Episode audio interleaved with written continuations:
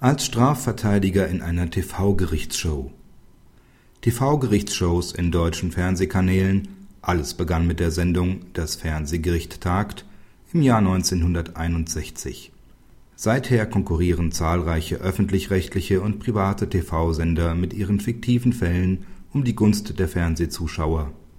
Im letzten Jahr gab es noch fünf verschiedene Gerichtsshows im Nachmittagsprogramm.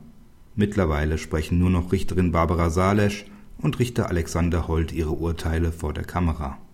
Für die Reihe Richter Alexander Holt spielt Rechtsanwalt und Strafverteidiger Christian Vorländer aus München einen Strafverteidiger.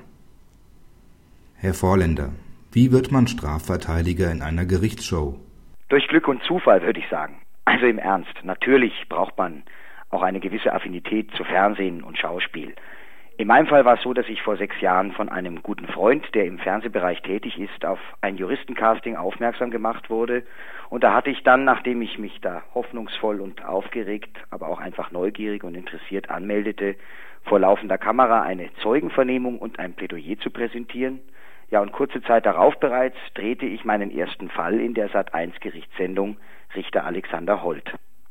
Wie lässt sich die Tätigkeit mit Ihrer Arbeit in der Kanzlei vereinbaren?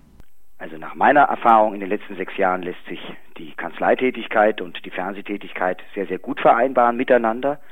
Sicherlich ist dabei hilfreich, dass ich als selbstständiger Rechtsanwalt hier in München in meiner Zeiteinteilung etwas freier bin als zum Beispiel ein angestellter, nicht selbstständiger Rechtsanwalt. Und außerdem werden pro Drehtag drei Sendungen produziert. Das heißt, mein Einsatz im Fernsehstudio konzentriert sich im Monat auf zwei bis drei Drehtage. Das ist allemal mach- und händelbar. Können Sie Einfluss auf den Inhalt der Sendung und Ihre Verteidigungsstrategie nehmen?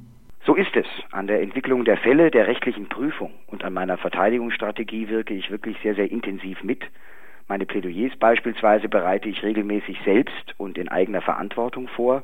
Ich stehe regelmäßig in engen Kontakt mit unserer Redaktion und versuche da möglichst viel aus meiner Strafverteidigerpraxis einzubringen. Und natürlich sind wir in erster Linie eine Sendung, das will ich schon auch sagen, die die Zuschauerinnen und Zuschauer unterhalten soll. Aber es ist aus meiner Sicht eine wirklich gute und durchaus anspruchsvolle Unterhaltung. Wir legen großen Wert auf Authentizität, auf juristische Richtigkeit und alle, die vor der Kamera mitwirken, so etwa Richter Alexander Holt, Staatsanwaltschaft und Verteidigung, sind nicht zuletzt auch deshalb allesamt Volljuristinnen und Volljuristen.